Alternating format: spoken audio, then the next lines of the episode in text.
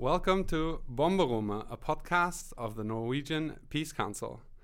Today we will be listening to Markus Gjedssø Bertelsen and Thomas Nilsen, who have been recorded at a webinar of the Norwegian Peace Association called The Tip of the Iceberg What a Changing Climate in the Arctic Means for the Nuclear Superpowers.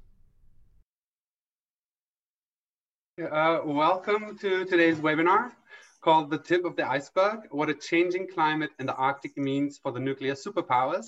It's an event organized by the Norwegian Peace Association, Norges Fredslag. And my name is Tim Liebenhoff, and I'm heading our campaign called Peace and the Environment. I would like to uh, introduce our Arctic panel today, which consists of uh, Thomas Nilsen, editor of the independent Barents Observer, as well as Rasmus Gjedssø Bertelsen, professor of Northern Studies and Barents Chair in Politics at the Arctic University of Norway, is the University of Tromsø. So a little bit of background. The Arctic is warming faster than any other region on Earth.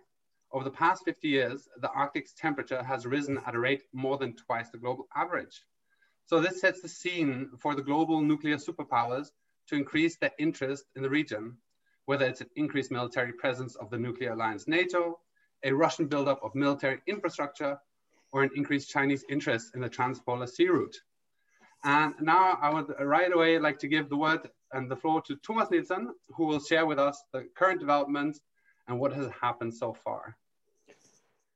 Thank you, uh, Tim. Thank you, and hello to everyone. It's an it's an honor for me to give a short uh, introduction uh, to uh, uh, the current uh, views on climate changes from our perspective, sitting up here in the north, and the impacts climate changes have on uh, geopolitics and especially security situation uh, in the north. Uh, my name is uh, Thomas, as uh, Tim introduced me as, and uh, I'm working with the Barents Observer, which is an online newspaper based in Kirkenes on Norway's Barents Sea coast, a 10 minute drive from the border to the Kola Peninsula, half an hour from Finland. and our aim is to uh, provide news about the developments in the Arctic, uh, in the Barents region. And uh, of course, we have a special attention to maybe uh, those uh, three most important news developments in the North, climate changes, geopolitics, and militarization of uh, the Arctic. We write a lot about other things as well, but those three are frequently framed in the Barents Observer in our English version and our Russian uh, version. We also, by the way, have a pilot uh, Chinese uh, uh version and are one day maybe becoming the first Norway-based uh, news outlet to provide news about the Arctic in Chinese language. That's for the future. Yes, uh, as uh, Tim introduced, uh, the Arctic is changing rapidly. And uh, uh, from a security point of view, some or most will actually argue uh, that it's in a very negative uh, trend of, uh, of developments with the current militarization uh, of the North. I will say that the main picture here is that the Arctic, as we saw it from a security point of view in 2018, three years ago, is a very, very different Arctic from what we see uh, right now. Uh, we are in a period of time with very uh, dramatic changes in the relations between Russia and the United States. And for Norway, as a NATO member and a small neighboring country to Russia, we are squeezed in, in between. Uh, that uh, said, also uh, Moscow's relations with, with Europe uh, we have read in the news over the last few days about what's happened in the Czech Republic uh, with the Baltics and uh, with the, the, the, situation on the border to, to Ukraine. But my focus is up here in the north. And as repeatedly highlighted the sentence in the media and among politicians talking about the Arctic, they say that the Arctic is warming. Uh, Tim, you also mentioned that uh, is warming uh, twice as fast as the global average. That is actually not true anymore. Uh, the Arctic is uh, warming three times the global average, and especially so in our part of the Arctic. That means Norway's uh, Svalbard archipelago, and it means the Russian Arctic, mainly the Yamal Peninsula and the Taimyr Peninsula, where the majority of Russia's industrial activities take place. On the Yamal, it's the liquid natural gas. Uh, the natural gas of Yamal counts for 90% uh, of Russia's natural gas uh, production and is more frequently uh, exported not only to Europe, but also over to Asia. While on the Taimyr Peninsula, also tundra area, uh, you have the big industrial enterprises of the Norilsk nickel. And on the east side of uh, uh Taimyr, you have uh, the largest oil discovery in the world in recent years. Uh, the Vostok oil discovery of, uh, of Rosneft in, uh, in the bay just offshore of uh, the eastern part of, of the Taimyr Peninsula. talking about climate changes in, in the north, those are not what cause a direct reason for regional security concerns. Uh, the Arctic is not influenced by or impacted by climate changes uh, that uh, cause a security problem like we see in other parts of the world, like in the Middle East, where uh, water resources is a major uh, threat to, to create conflicts, or like in the Pacific, where nations are disappearing into the, the, the oceans due to rising sea levels. Up here in the Arctic, there ain't no regional reasons for conflict. The borders are not disputed. Uh, there are no disputes about the resources. There are some troubles between Norway and uh, the European Union uh, in regards to uh, the snow crab, uh, but that is a very, very minimal uh, and minor trouble.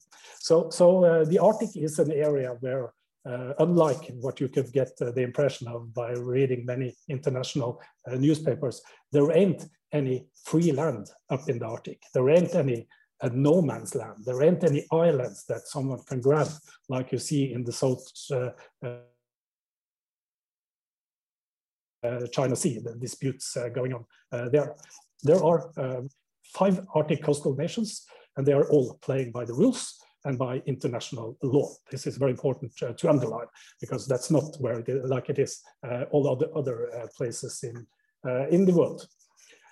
Uh, so, but uh, I, I, would say uh, also like to, to underline that, uh, uh, of course, uh, there are security concerns in the Arctic. There are concerns that are related to the international troubles between East and West. And I will come back a bit to the more military implications of, of that. Um, I will give a few words uh, to China. Rasmus, who is going to talk after me, uh, will uh, go more into the, the China issues. But uh, uh, I, I, think this is a, is a, is a good webinar uh, to point out what Mike Pompeo, the former Secretary of State in the Trump administration, said when he participated at the Arctic Council meeting in Rovaniemi two years ago uh, where he actually said that there is a Chinese military threat uh, to the Arctic, more military activities by Beijing uh, up in the north. Well, his words, uh, for me as sitting here uh, covering these issues, writing news about it every day, we have, until today, we have not seen one single Chinese Navy vessel, not a single warship sailing in the Arctic. Uh, it's not true that uh, China is uh, planning to sail uh, nuclear powered submarines into the Arctic waters. Why should they?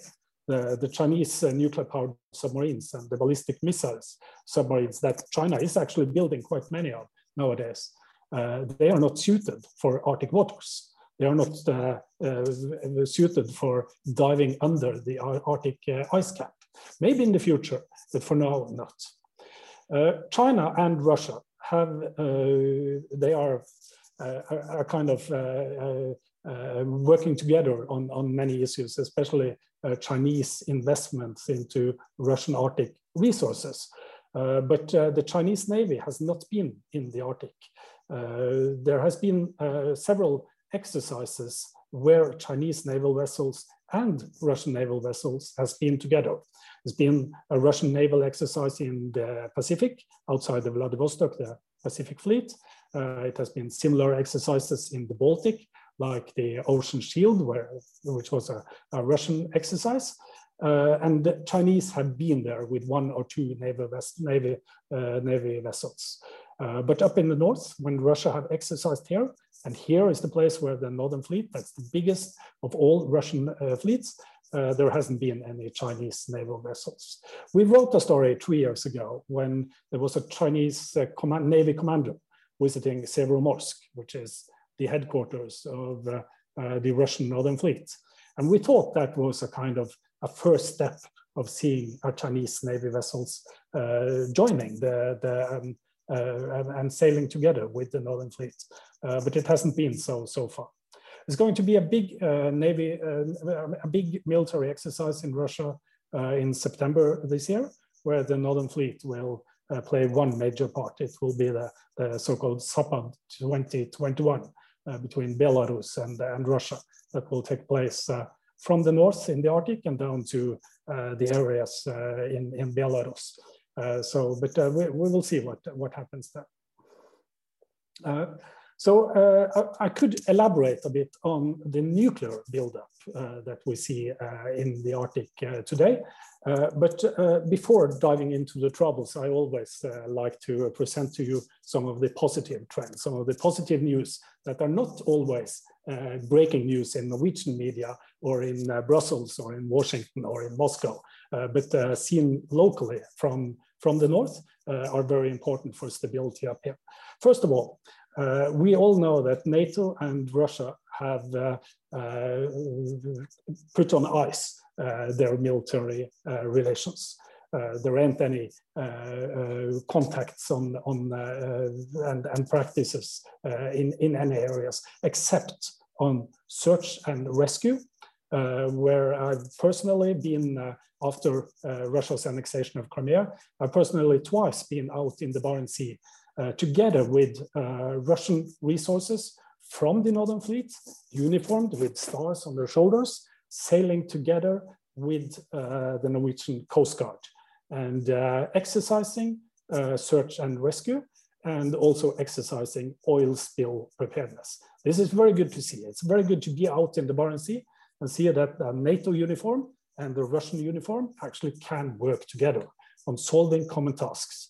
You know, when you are out at sea, you don't talk politics. You are solving the task that you are there for.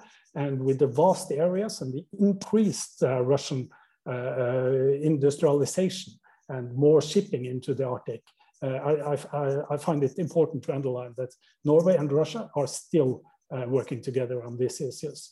Uh, we saw another brilliant example in last year when Norway's Coast Guard vessel KV Svalbard uh, sailed all the way across the Arctic to help the American scientists rescue uh, some instruments uh, measuring temperatures in the sea as a part of a uh, international uh, research network on, on uh, measuring the increased temperatures in, in the climate climate changes of the, of the Arctic. The Americans didn't have any icebreakers up in the Beaufort Sea north of Alaska because they had a major fire on one of their icebreakers. So they called in the Norwegian one for assistance. And KV Svalbard, uh, it's an icebreaking capable Coast Guard vessel, sailed all the way and uh, uh, saved those uh, important uh, data. Uh, in talking about the, the, militarization of of the Arctic, Russia, they say that it is important to build up military bases in the Arctic in order to secure northern sea route uh, shipping. And uh, that is understandable. This is one of the most remote corners on planet Earth. And sailing the Northern Sea route, either it's a Chinese vessel or a Russian vessel or a European vessel, is not the same as sailing the, the Suez uh, Channel. So building up uh, search and rescue uh, capabilities in, in, those areas uh, is, is of course important. But what doesn't fit into that picture is the buildup of anti-air defense uh, systems. I mean, there is no means, uh, there is no need for air defense to protect uh, civilian uh, shipping. Uh, there is no need uh, for air force bases like we have seen Russia has recently opened again at the Franz Josef land and at Novaya Zemlya. You don't use a MiG-31. It's not very suitable uh, for a search and rescue uh, operation among the, the Northern Sea route. And th this actually creates a kind of uncertainty uh, among uh, neighbors, especially Norway, maybe the United States. Uh, we, it's an uncertainty about what is Russia's uh, actually, uh, what, what are they planning? What, what, what are they, their uh, kind of interests in, in, in doing so? And you know, when you have uncertainties and you have unclear understanding of what the other is planning to do, it is, of course, creating room for misunderstandings. Uh, it's creating room for miscalculations. And uh, with more flights up north, with more Navy vessels sailing up north, uh, the bigger chances there is for that a kind of uh, uh, accident or a misunderstanding can uh, escalate into a, a worse scenario. Uh, previously, I've always heard that Norwegian and NATO and also Russian military officials have said that there, there ain't any uh, things that there, is, there is no need, there is no reason to fear any escalation of a, conflict in the Arctic. And th that's true, uh, not in regards to shipping routes, not in regards to resources and so on. But uh, I think still we cannot exclude that uh, a potential scenario could be that an accident up north or a misunderstanding could escalate into something else. Except for that, escalations from other uh, places like in the Middle East or in Ukraine or in the Baltic could escalate and have an impact of uh, what's happening uh, up north. Uh, there has been a lot of focus in the Barents Observer and uh, in other media about the United States deploying uh, B-1 bombers to Ørland Airport, which is 1,200 kilometers away from the Russian border, and about last year's sailing of British and American Navy vessels into the Barents Sea. Admiral Foggo, the former commander of the US Navy, he said that the main reason uh, for the United States and uh, Great Britain to sail uh, a flotilla of, of, warships up outside Russia's Kola Peninsula last year was because of Russia's creating a naval ship area or a so-called NOTA, notice to airman, where they were planning to shoot uh, just outside the southwest coast of Norway uh, during Zapad, uh, no, during Trident Juncture exercise in 2018. So we see that what one side do have an impact on what the other uh, do. And uh, with the B-52 bombers also flying quite, uh, quite a few times now over the last two, three years in the Barents Sea, we have to remember that, there, that Russia uh, started to fly their strategic bomber along the coast of Norway uh, already back in 2007 in a, in a post-Cold uh, War. So what one side do, again, have impacts on the other. Uh, in, in the end, I will say that uh, one thing that really, really worries me uh, nowadays when uh, watching uh, across uh, the border, I can't cross into Russia. The border is more or less closed now for Corona reasons, and I, as a journalist, is, is not allowed to go in there. I'm not even allowed to call the Northern Fleet because they are not allowed to speak with foreign journalists. So then I have to send a letter uh, to or a request to the Ministry of Defense in Moscow if I have any questions. And maybe they answer after three weeks, or maybe they don't answer at all. But one of the things that really troubles me uh, is seeing the Arctic becoming a testing ground for new kind of nuclear weapons. Uh, we have always had Russia's main testing ground for uh, warheads at Novaya Zemlya with the atmospheric uh, tests in the 1950s and 19 uh, early 1960s, and uh, since then underground tests in the Soviet period up till 1990, and still today, uh, the subcritical tests going on on, on Novaya. But uh, the testing of this new nuclear weapons uh, system, like the Poseidon, which is an underwater drone, nuclear powered with a reactor uh, aimed at targeting the east coast of the United States. testing is going on right now out in the White Sea and northern waters and uh, the testing of the Burevestnik, which is a nuclear powered cruise missile. Those kind of thing uh, worries me very, very much. It's new nuclear weapons. Uh, it's not limited by any Uh, it's not the, the wordings are not taken into uh, the the the new START agreement, and just testing weapons with a nuclear reactor. Last year, no, two years ago, there was an accident with one of those missiles when they tested it uh, just outside the city of Severodvinsk in the, in the White Sea. And that caused a spike in radiation, uh, which were measured uh, in, in the local community. This is a town with 180,000 inhabitants. And the Ministry of Defense denied that this happened. Uh, so this lies and this uh, uh, fogging uh, the, the realities, that is a worry, I think, for everyone living up in the north, not least the locals, Uh, the people living in Northwest Russia, which is the most uh, populated uh, part uh, of, of the Arctic. So I, I would really uh, hope that the international community could highlight some of these kind of developments uh, happening in the north.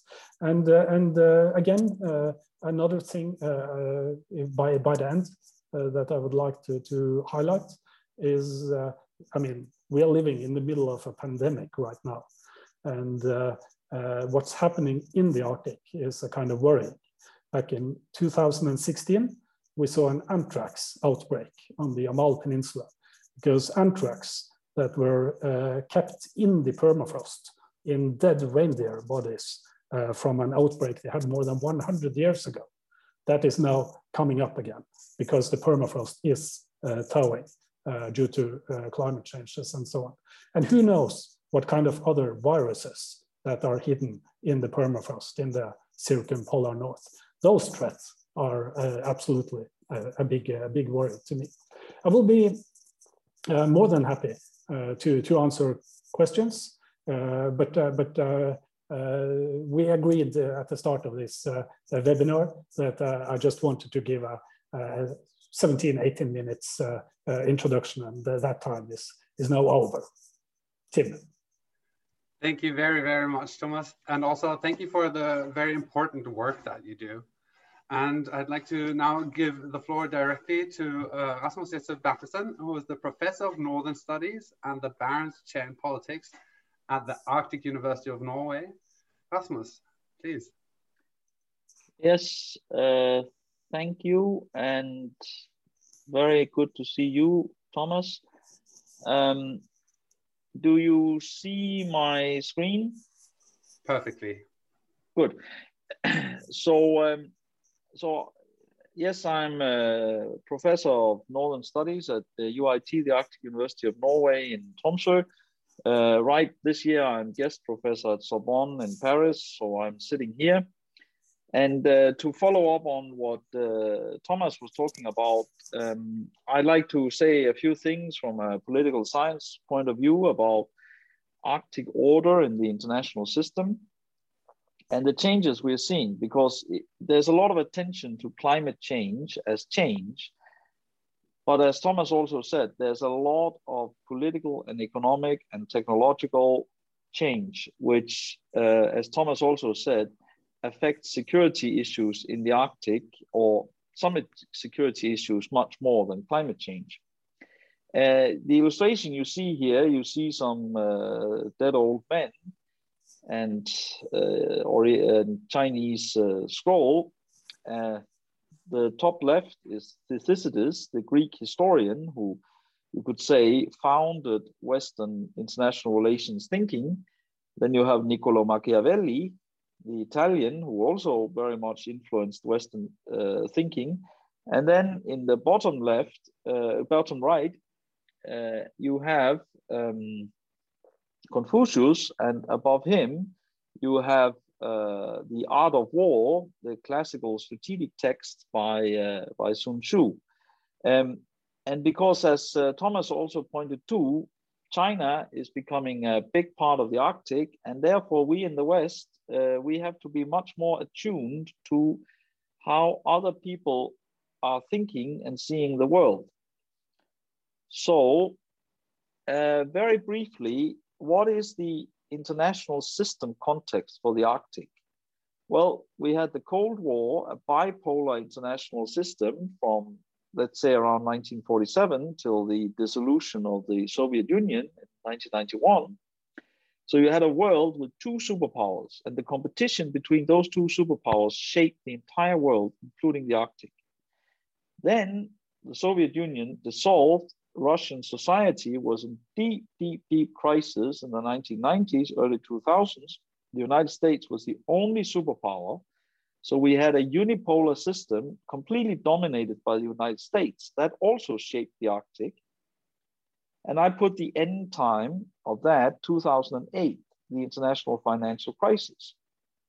Of course, Russia, higher oil prices, uh, etc., it came out of its deep crisis. And I would say the the moment of Russia's return as a great power, I will say it was when Russia blocked uh, the uh, approachment between uh, uh Georgia and NATO in 2008. Primakov was Russian foreign minister, prime minister in the 90s, and he was very clear about that Russia should pursue a multipolar world, so a world not dominated by the United States.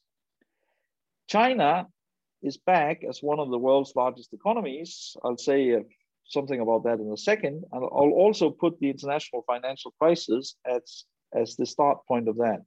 So we're getting into a world which is Chinese American when it comes to economics, it's American Russian when it comes to the nuclear, and perhaps it's more uh, multipolar when it comes to energy.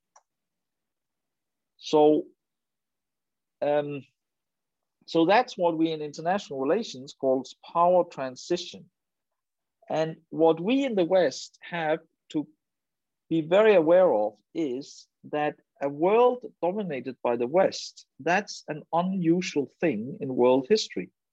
You can see the map of the world. It says there are more people living inside this circle than outside of it. So demographically, economically, the world is usually dominated by Asia. And if you see this, this other chart, Asia's share of global GDP of the global economy from 1700 until 2050, these are, of course, relative numbers. Of course, the world economy today is much, much, much larger than in 1700. But you see, into the 1800s, Asia was more than half of the world economy. And it's going to be more than half the world economy, driven by especially China, around 2050. So that's the world we have to understand and we have to get used to. And that's also what's going to shape the Arctic. I'm born 1975, so I tell my students that in 2050 I should be 75 and probably retired. But my students can ask themselves where they are in their working life in 2050.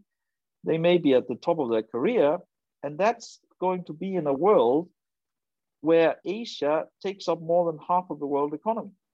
And that's also going to shape the Arctic.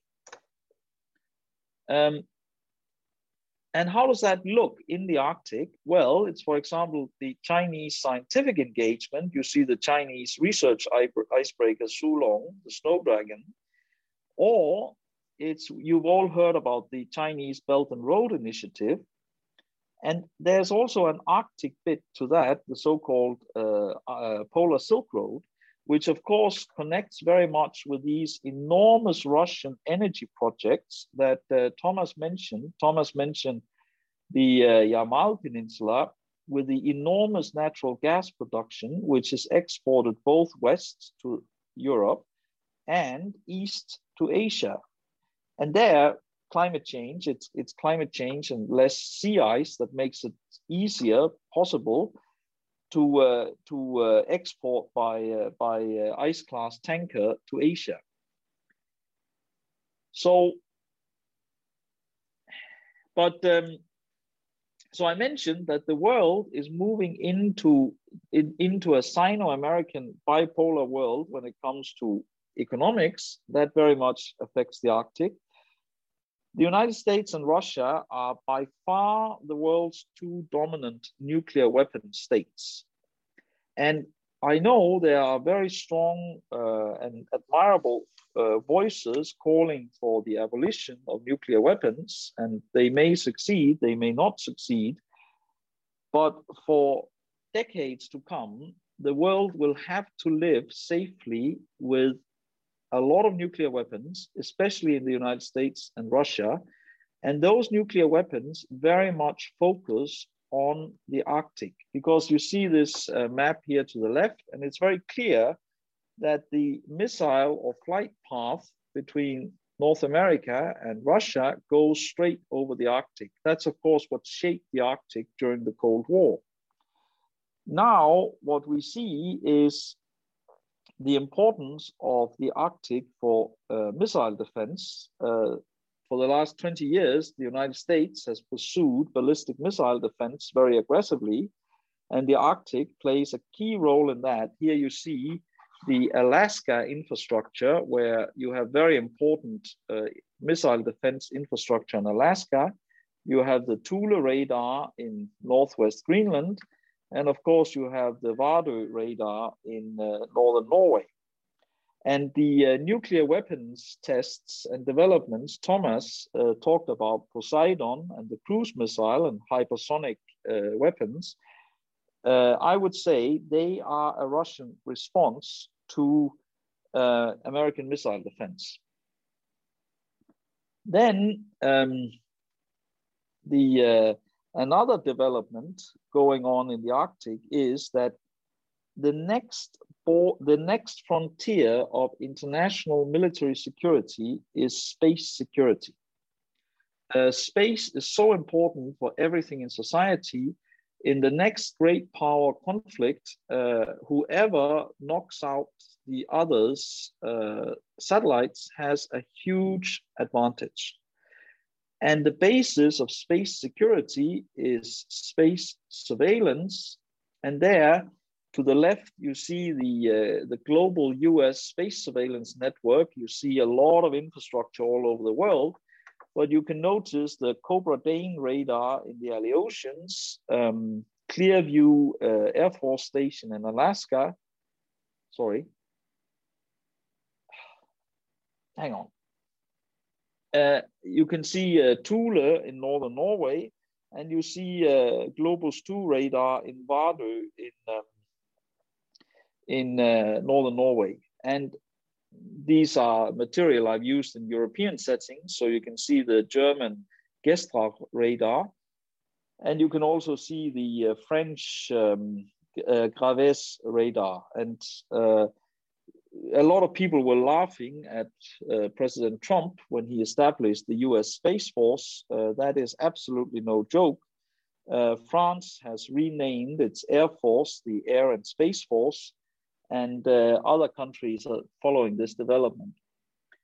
I started by showing a picture of the art of war and, uh, and Confucius. Um, and as I say, the world is becoming a lot less Western and we in the West, we have to understand that new, less Western world much, much better. And understanding other people, understanding people you're in conflict with, that's not a question of sympathy. That's a question of necessity. And of course, the classic strategic Asian text is The Art of War by Sun Tzu.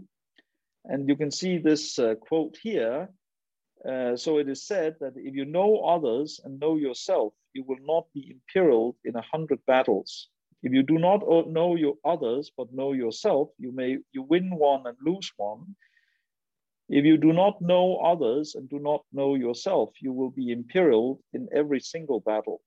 And I think the West uh, runs a great risk of that uh, we hardly know ourselves, we don't know the other, and the uh, the other knows us uh, better than we know the other. And and that's a very good thing. That's a very good thing. It's up to us to catch up understanding uh, knowing others much better. And finally um, this uh, taoist uh, quote from classical chinese uh, philosophy you can see here, um, well, you can probably read it yourselves. Deep knowledge is to be aware of disturbance before disturbance, to be aware of danger before danger, to be aware of destruction before destruction, to be aware of calamity before calamity, and then jumping. By deep knowledge of principle, one can change disturbance into order, change danger into safety, change destruction into survival, etc., and bring the world to great peace. And again, as uh, Thomas pointed out, uh, we are talking about very, very dangerous forces. We are talking about enormously dangerous technologies and weapon systems. Uh, we are talking about an international system which is becoming much, much more dangerous again.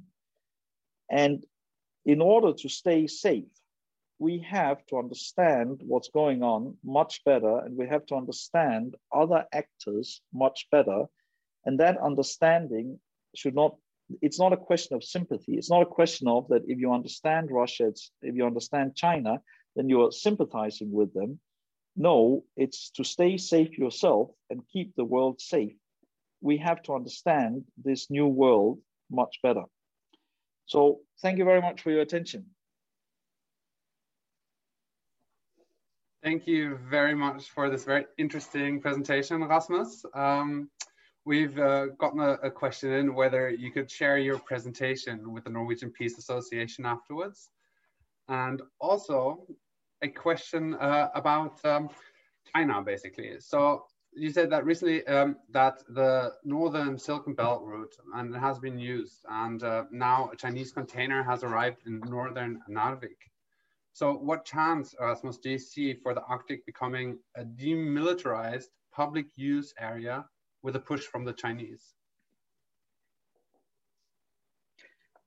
So, very quickly, um, as Thomas pointed out, uh, I mean, the, the increasing uh, military activities from both Russian and, and Western side, and it's extremely difficult to break that logic. Um, that is a logic that can only be broken in arms control, nuclear arms control diplomacy between the United States and Russia. China, also as Thomas pointed out, that uh, China has, has very limited direct military security interests in the Arctic. Uh, for, for China, uh, the Arctic is primarily an energy resource base and a possible shipping route. So, um, so one perhaps could say that China is not particularly interested in this US Russian nuclear competition uh, getting out of hand. Thank you so much. Um, I've got another question for Thomas. So Norway has a very special role for NATO in this scenario. So what possibilities do you see for the Norwegian government to de-escalate the militarization of the region? Uh, first of all, I, I, I, think it is important to be sober and say that uh, Norway is a very small player but uh, we could be a very important player because we are located geographically where we are. And uh, my first uh, thinking when you ask such question is uh, dialogue. Uh, I, am I'm always underlying the need for dialogue because with the, the current situation with the COVID-19 and closed borders, very, very little traffic uh, between Norway and Russia, I see that there are many, many more uh, of my friends and contacts uh, on the Russian side of the border who deliberately uh, are misunderstanding the intentions of the West. So I, I think uh, to keep borders open, to keep dialogue uh, is uh, the key to de-escalating the situation we, we see up in the north. There is a hope, and I really hope for that one, and that is next month Uh, then uh, it's going to be the ministerial meeting of the Arctic Council in uh, Reykjavik on uh, uh May 19th and 20th. And that meeting in Reykjavik will actually be the first time when the new US Secretary of the, of, of the States and Russia's Foreign Minister Lavrov will meet in person And, uh, and I hope also the Art other Arctic uh, foreign ministers will be able to attend the meeting. And Russia is taking over the chairmanship of the Arctic Council at that meeting for the next two year period. So this is really uh, a possibility. And I, am sure Moscow is uh, thinking that the next two years, we're going to focus on dialogue uh, in the Arctic, inviting as much scientists, uh, people, and, and everyone to do joint cooperation in the north. And let's hope that Norway could be a bridge builder in, in such kind of Arctic non-military non-military uh, dialogues. And of course, building bridges on the civilian side is a very good way to de-escalate uh, possible uh, scenarios in, in the military and the security picture, to my view. Here, here. Um, yes, absolutely. I think uh, civil society is going to play a big role in, in the coming decades. Um, another question for you, Thomas, from uh, the audience. Um, so the Norwegian government will and do say that Norway is as transparent as we can be in our military activities and priorities, and that Russia knows Norway's intentions, so should be little to no room for misunderstandings, risking an escalation. Following Russia as closely as you do, Thomas, do you get the sense that this is true? Uh, I, I, unfortunately, I see that uh, there is big rooms for uh, misunderstandings on uh, both sides. Uh, it is difficult for the Norwegians to to understand the intentions of Russia in the Arctic. Yes, Russia is the biggest Arctic state. 50% of, of the Arctic is, is Russia, and a big portion of Russia is the Arctic. Uh, but uh, the, the, current military buildup at, at the bases is not easily understood from a Norwegian or from a Western uh, point, uh, point of view. Uh, but I also see that uh, in, on, on the Russian side, there is very big suspicions about the American bombers coming to, to Norway. but of course, they live in, in a in a totally different uh, environment in regards to openness and the media. Uh, there ain't much more uh, free media in Russia anymore.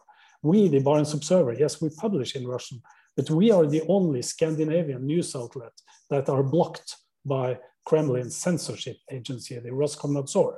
So if you are an ordinary person sitting in Moscow and want to read the Barents Observer, you have to go through uh, VPN system, virtual private networks, or other ways to, to get access to us. So, uh, so, so misunderstandings can be on, on both sides. Uh, more transparency should absolutely be on, on uh, both sides, uh, to, to my view. Thank you very much, Thomas. Uh, I hope that answered the question well. And we have another question for Rasmus. And as we are approaching the end, this will be the last question from the audience. So Rasmus, uh, some will say cooperation in the Arctic has historically been successful because the US has never been interested in governing the Arctic outside a security dimension. Do you agree? And do you see it changing? Um, that, that's a very good question. And, and it's right that, how to say, after the Cold War, you could say that the Nordic countries in Canada were so active. I mean, Finland with the Rovaniemi process, Arctic Environmental Protection Strategy, Norway with the Barents uh, Euro-Arctic region, Canada with the Arctic Council, the United States could, how to say, leave business to the Nordics and Canada. And the United States could focus on being the superpower in the Arctic, focus on its strategic nuclear systems, focus on missile defense. But now these outside systemic drivers, the Sino-American competition, the uh, Russian uh, Western competition, I mean, they are entering the Arctic very fast, very dramatically. And as uh, Thomas points out, these are conflicts that come from somewhere else. I mean, the Ukraine, the, the Ukraine Crimea crisis has absolutely nothing to do with the Arctic. But if if the if the EU and the NATO and Russia don't find a way to manage their relations from the Black Sea to the Baltics, that's going to create a mess in the Arctic. Uh, I, I, just want to make one follow up. Uh, Thomas referred to, to the Arctic Council ministerial meeting. I think I think the true opportunity for bringing more stability to the Arctic it's the renewal of Russian American arms control diplomacy with a New START.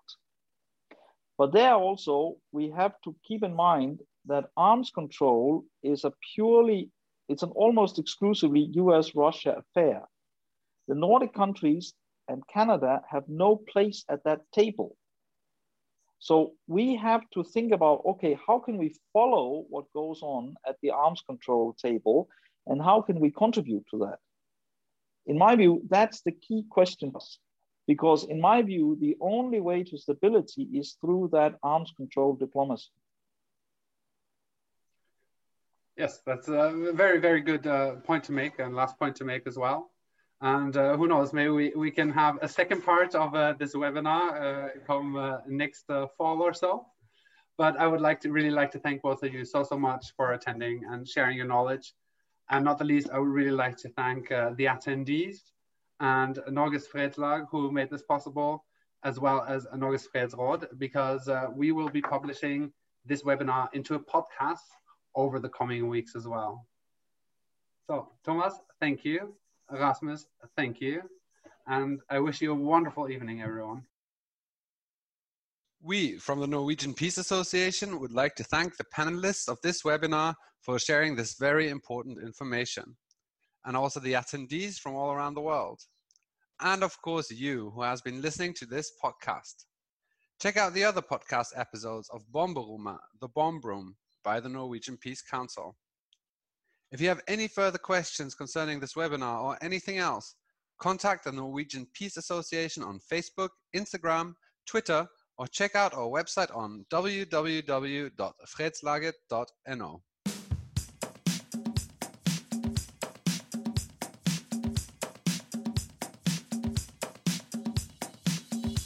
Denne podkasten er produsert i samarbeid med foreningen Røverhuset.